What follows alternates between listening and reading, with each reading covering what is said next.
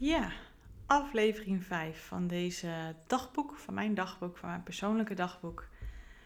Als wensmama, als mama to be, hoe je het wil noemen. Ja, en dit is een uh, lastige aflevering. Maar zoals ik mijn vorige, mijn vierde aflevering eindigde, uh, mocht jij ook zoiets vergelijkbaars hebben meegemaakt, skip alsjeblieft deze aflevering niet. Ga er doorheen. Laat het er zijn. Want dat doe ik dus ook met deze podcast. En ik merk dat dat voor mij, ja, ik ben nu al bij de vijfde aflevering. Dat het voor mij, dat het mij goed doet. Dat ik het er allemaal mag laten zijn. Dat het bij mijn proces schijnbaar hoort. Ik weet het ook allemaal niet.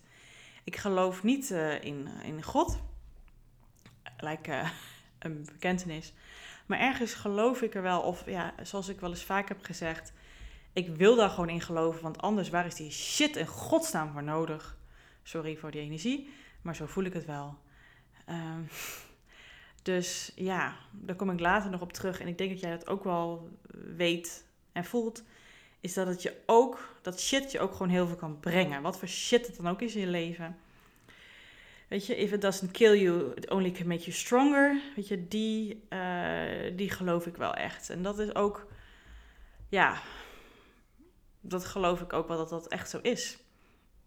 En dan is het ook belangrijk om het wel aan te gaan, aan te kijken. Dat is met elke emotie zo. Dus ook dit, ook deze kutte, kutte emoties. Dat zijn ze gewoon echt. Goed. Ik heb de toon gezet, geloof ik. ja, ik wilde mijn vorige aflevering, de intentie was eigenlijk de vorige aflevering om ook dit stuk mee te nemen. Maar ik voelde gewoon in mij, ik wilde gewoon nog heel even vasthouden aan het fijne gevoel van de ontdekking, de verrassing. Ja, dat ik zeg altijd mensen dat we zwanger zijn, maar er is eigenlijk maar één echt zwanger, hè. Maar goed, ja, je bent beide papa en mama, dus we waren samen zwanger. Ja, en daar wil ik toch toch wel heel veel vasthouden en mee beginnen. Ja, want die anderhalve week dat, dat ik zwanger was, dat ik wist dat ik zwanger was, laat ik het zo zeggen Oh, dat was zo mooi. Het delen van het goede nieuws, het mooie nieuws met mijn uh, ouders, mijn schoonouders, mijn vrienden heb ook. Een van de twee uh, vriendinnen die ik heb, ja, die zag ik toevallig ook dat weekend, dus daar heb ik het ook aan verteld. Uh, en de tweede vriendin, ja, die zag ik het weekend daarna, dus die wilde ik het dan ook vertellen. Ik wil dat soort dingen gewoon echt heel erg face-to-face -face vertellen, zodat ik het ja, echt in het echtje kan vertellen. Dat je iemand voor je ziet, emoties kan delen. Dat wilde ik zo graag. Ik wil dat niet over de telefoon of zo. Dat, nee, dat wilde ik niet. Iedereen voor zich weten, hè? Maar dat wilde ik niet. Als je dat hoorde, dat was mijn hond. een van mijn honden. Um, ja, dus dat was zo mooi. Dan ging ik werken, ging ik naar Utrecht, naar mijn kantoor, mijn praktijk. En dan kwam ik thuis en dan uh, we hadden een coachnaampje voor onze, ja, onze baby die in mijn buik zat. Onze embryo, hoe, wat het ook dan op dat moment is. Super klein natuurlijk. Ik had zo'n app gedownload wat je wel niet mag eten, dat je het allemaal bij kan houden. Ik was helemaal in de wolken. En dan zei hij altijd, hoe is het met je? En hoe is het met nou, ons koosnaampje voor de voor. Oh, het was zo mooi. Hij, ja, hij wreef over mijn buik. Het was toch zo pril, maar zo mooi al. Ja, echt. Het, het, ja, ik, ik liep echt op een wolk.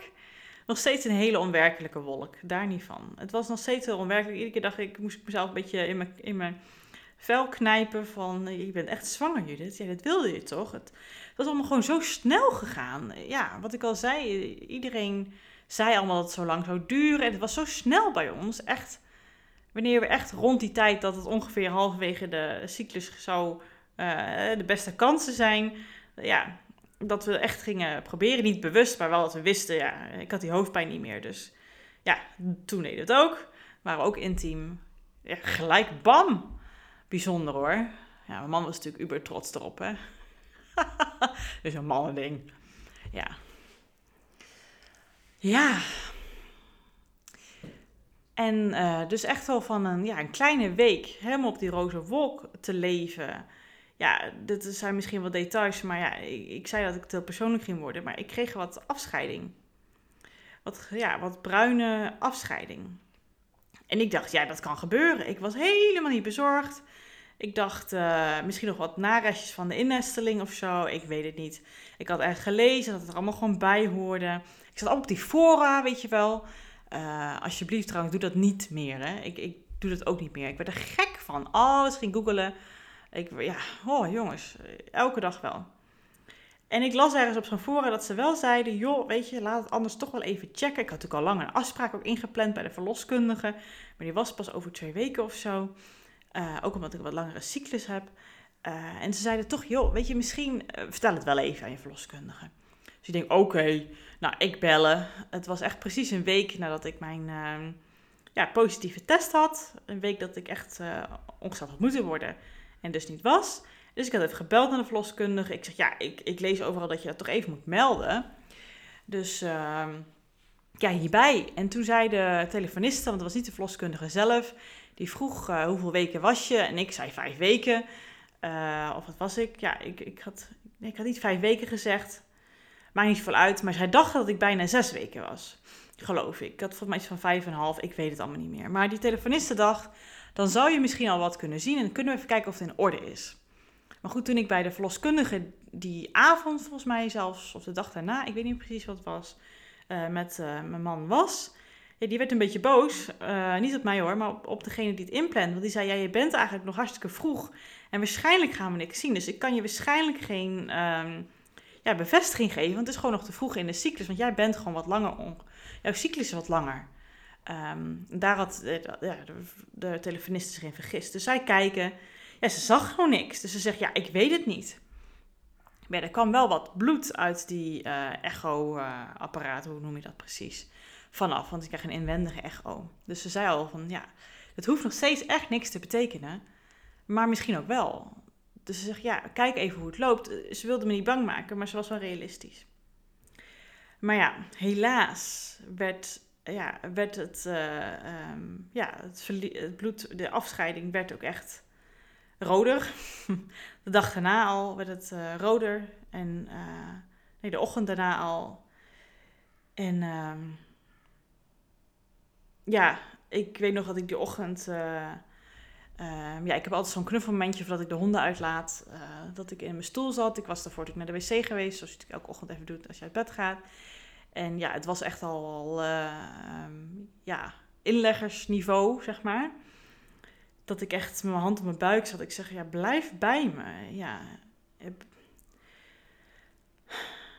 ja ik, ik weet dat nog heel goed. Dat ik dacht, alsjeblieft, ja, blijf plakken, blijf zitten. Hm. Maar ik had ergens nog heel, heel, ik was gewoon nog heel naïef. Ik had nog heel veel hoop. Ik dacht, het komt nog goed. Het kan gewoon nog. Uh,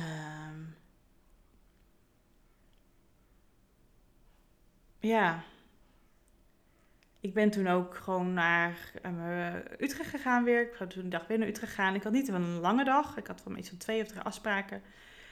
En uh, toen ik daar was, uh, ook nog, ja, ik had tussen mijn laatste, ene laatste en mijn laatste afspraak ben ik ook natuurlijk nog een keer naar de wc geweest.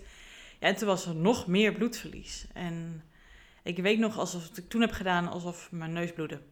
De bloedde natuurlijk wat anders, maar ik heb echt mijn knop omgezet. Ik dacht, nee, ik verstop me hiervoor. Ik, uh, ik, nee, ik heb die laatste afspraak gewoon nog echt gedaan. Ik heb, ik heb gewoon gedaan alsof het niet was. Ik weet nog wel dat ik toen, ik, kijk, de trein naar huis zat. En ik, ja, ik, ik maak mezelf gek, hè. Ik ben natuurlijk ook podcast gaan opzoeken.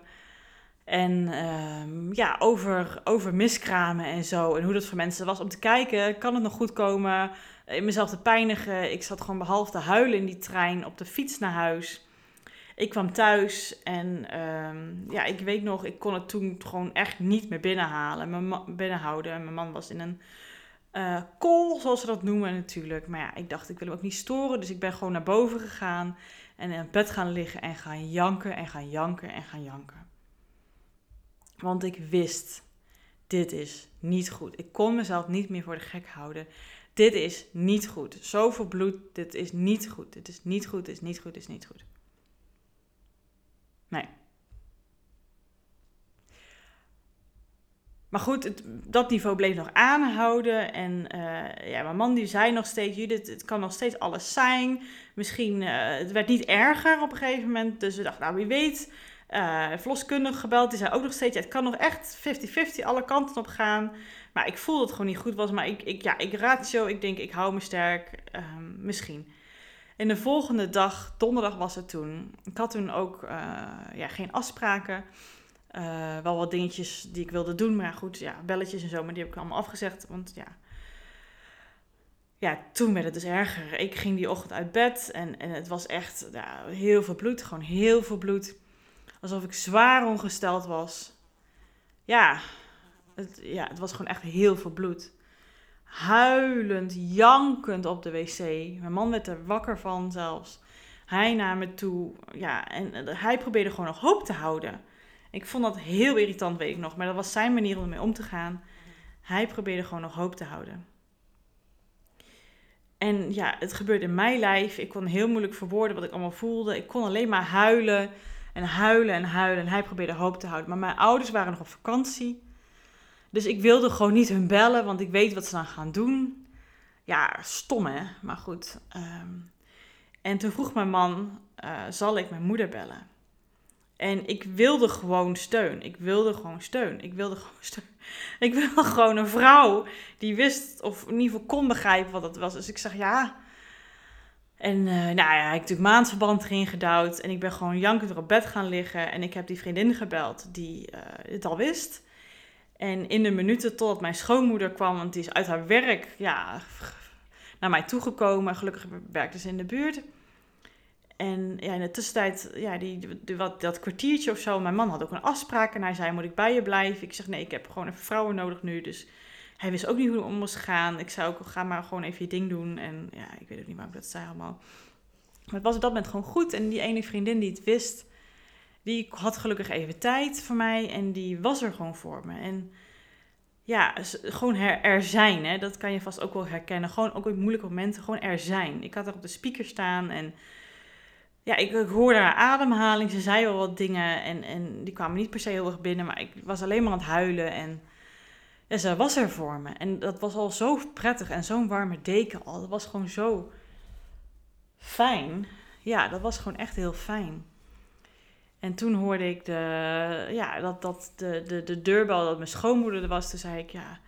En, en op dat moment heb ik opgehangen, want ik zei, mijn schoonmoeder komt eraan. En uh, ik, ik, ja, het was gewoon zo betekenisvol dat zij dat voor mij was. Ja, echt. Het was gewoon zo prettig. Ik krijg allemaal ik zit hier met kippenvel al over. Hè. Het, het, de moment dat ik het opneem is 30 graden hier buiten. Binnen is het natuurlijk iets minder warm, maar nog steeds 25. Ik zit hier in uh, zomerse kleding, maar ik heb kippenvel al over. Ik heb het gewoon koud nu van deze emotie allemaal. En toen kwam mijn schoonmoeder en, en, en ja, uh, zij, zij, ja, zij liep naar de... Zij, is Judith? Die trap op. En ik stond al bovenaan, de, ja, bij in de slaapkamer te janken. Want alles kwam nog een keer binnen en ik, ik klampte me aan haar vast. En janken, janken, janken. En, en oh, het was gewoon zo fijn om een warm lichaam, een vrouwenlichaam te hebben... waar ik me aan vast kon klampen en... Nou, even die vloed van emotie helemaal binnen te laten komen het kon niet anders. Er was geen weg meer terug. Er was geen andere mogelijkheid. Dat was gewoon wat er uit moest. En toen de grootste vlaag van emotie ja, achter de rug was, toen hebben we even op de rand van het bed gezeten. En ook zij, omdat zij zo graag oma wilde worden, zij wilde zo graag oma worden. Ja, het zit misschien in de familie, probeerde ook nog aan vast te klampen dat het misschien nog wel ja, want zij had ook bloedingen gehad tijdens haar zwangerschappen, maar goed, veel verder in het proces. En dat was ook allemaal gewoon goed. Dat was natuurlijk haar ervaring. Dus zij zei: Weet je het zeker, weet je het zeker? Maar diep van binnen wist ik: Dit is het. Dit is het. En ik heb tussendoor ook met de verloskundige nog gebeld. En ja, hij kunt natuurlijk geen fluit voor je doen.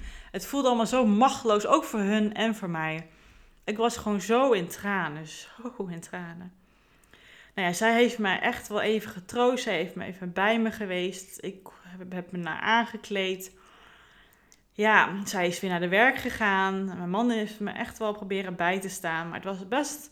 Het voelde ook ergens wel een solistisch, eenzaam proces. Hoe erg mensen ook er voor mij waren. Ze waren er 100%.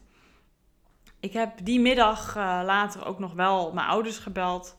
Of die dag daarna geloof ik. De dag daarna heb ik mijn ouders, mijn ouders gebeld. En zij hebben op hun terugweg naar huis zijn ze ook bij mij, bij ons thuis geweest. En zijn ze langs geweest. En heb ik het ook met mijn moeder natuurlijk vooral kunnen delen. En dat was ook gewoon heel fijn en heel mooi. En daar met hun zijn ze wat rationeler ingesteld.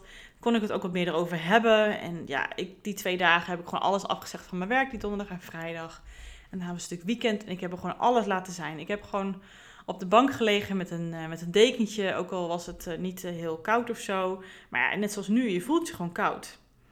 En ja, gewoon allemaal lekker warme dingen gedronken en zielige dingen gekeken, zodat alle emoties lekker uitgaan. En ja, het was voor mijn man best wel lastig, want hij wilde er van mij zijn, maar ik voelde niet altijd dat het zo was. Het was soms weer wel, soms weer niet. Ik heb ook nog wel eens een keertje op mijn sloffen ben ik in de auto gestapt en naar mijn schoonmoeder gereden, omdat ik daar voor mijn gevoel wel de troost kreeg die ik nodig had. Um, ja, jongens, ik vertel alles, hè, je weet het. Maar ja, het, het moet eruit. Ik heb het er gewoon helemaal laten zijn. Ik, ik, ja, dat knuffeltje wat ik had gegeven, uh, aan mijn man, of die voor ons was, die symbool stond voor die zwangerschap. Ik heb er als, ja, eh, ik was 33 en ik heb daar gewoon als onderhand als een klein kind met die knuffel met een dekentje op de bank gezeten. Het voelde gewoon fijn. Ik had dat nodig. Ik heb gewoon alles gedaan wat behoeftes lagen en heb ik gewoon gedaan. Uh, ja, ik heb die andere vriendin gebeld en ja, het allemaal maar verteld. Zij is die avond ook langsgekomen en ze was er voor me. Ja, dat, dat is wat er ja, hoe, hoe het voor mij was. Dat is hoe het voor mij was. Het was echt heftig. Het was heftig. Het emotioneel kwam er zoveel bij kijken. Maar ik heb er echt. Het was een rouwproces. Van iets wat een droom was. En nog steeds heel onwerkelijk voelde. Maar zo welkom was. Of ja, ja. Ik wilde het heel graag. Ook al voelde ik me als een klein meisje die iets heel grote menserigs deed en in haar lijf zat. Maar het verlies ervan, ook al was het nog zo pril en kort, raakte me zo in mijn hart. Ik was er gewoon helemaal van ontdaan. Nou ja, door er met mensen het over te hebben en die steun te krijgen en... Ja, dat was heel helend, was heel fijn en het verdiepte ook echt bepaalde relaties. Dat kan ik natuurlijk nu achteraf zeggen. Wat ook echt zo warm en prettig en waardevol was. Enorm. Ja, en dat weekend heb ik ook echt genomen om er helemaal bij stil te staan. En ja, ik merkte ook dat toen het einde weekend was, dat ik dacht, ja, ik heb weer ruimte in mijn hoofd voor andere dingen. Ik had niet een super drukke week daarna, maar ik had wel gewoon werkdingen. En dat was ook gewoon lekker ook een beetje de afleiding. En tussendoor was het ook gewoon huilen. Uh, maar ja, ik heb het voor mijn gevoel er helemaal laten zijn. Er helemaal om kunnen rouwen. Hoe pijnlijk het ook was. En uh, ja. En ja, om deze aflevering af te ronden. Ik kreeg toen ook, ja, dat is even een ander verhaal. Maar ik, ik heb een, uh, een um, hoe heet het ook alweer jongens? Ik zit zo in dit, dit verhaal. Een, een hersenvlies wil ik zeggen, dat is het niet. Een, um, nou ja, iets van ontsteking in mijn oor gehad. Een evenwichtsorgaanontsteking, hè, we komen er. En dan moest ik aan geopereerd worden. Ik stond op de wachtlijst, maar ja, door corona en zo. En toen, net dat weekend ook, kreeg ik ook de, of nee ja, de week erop geloof ik, kreeg ik ook de brief dat ik uh, ja, geopereerd uh, ging worden aan mijn, uh, aan mijn oor. Dus ja, toen hebben we natuurlijk ook even niet geprobeerd. Want ja, je, het is niet goed als je zwanger bent en verdoving hebt. Want ik had een algehele verdoving genomen. Dus we hebben, ja, het was ook gewoon goed voor mijn lijf. Om eventjes, ja, één cyclus hebben we daardoor niet geprobeerd in die periode gewoon even condooms gebruikt ook. En ik had er ook even geen zin in natuurlijk. Want ja, nee, daar had ik gewoon even geen zin in. Dus ja, ik was ook even niet meer bezig toen. Ja. Dus die operatie zorgde ook voor dat ik de cyclus dus daarna even niks deed. Dat was ook gewoon goed. Ja. Dus ja, het ging weer even afleiding en werk. En ik was er gewoon even niet mee bezig en dat was oké. Maar ja, het was een hele verse herinnering. Maar delen met mensen was voor mij gewoon heel erg goed. Ja, absoluut. Absoluut. Ja, goed, hierbij rond ik deze aflevering eh, af. En ik ben, ja, mij doet het heel veel merken. Ik merk het gewoon aan mijzelf, aan mijn lijf. Aan, mocht jij zoiets hebben meegemaakt, ja, ik wens het niemand toe. Maar ik ben, ja, ik wil zeggen trots, maar dat klinkt zo stom. Maar ik vind het mooi ja, ik vind het mooi dat je zo kwetsbaar dit durft aan te gaan en ook dit durft te luisteren. En hopelijk ook jouw emoties en gedachten en gewaarwordingen in je lijf toe te laten over jouw specifieke, unieke persoonlijke ervaring, mogelijk met een miskraam. Laat het er allemaal zijn. Verzet je er niet tegen, want zo gaat het hele. Ja, zo heel je. Zo heel je ook. Zo kan je rouwen. Echt waar. Trust me. Oké, tot de volgende aflevering.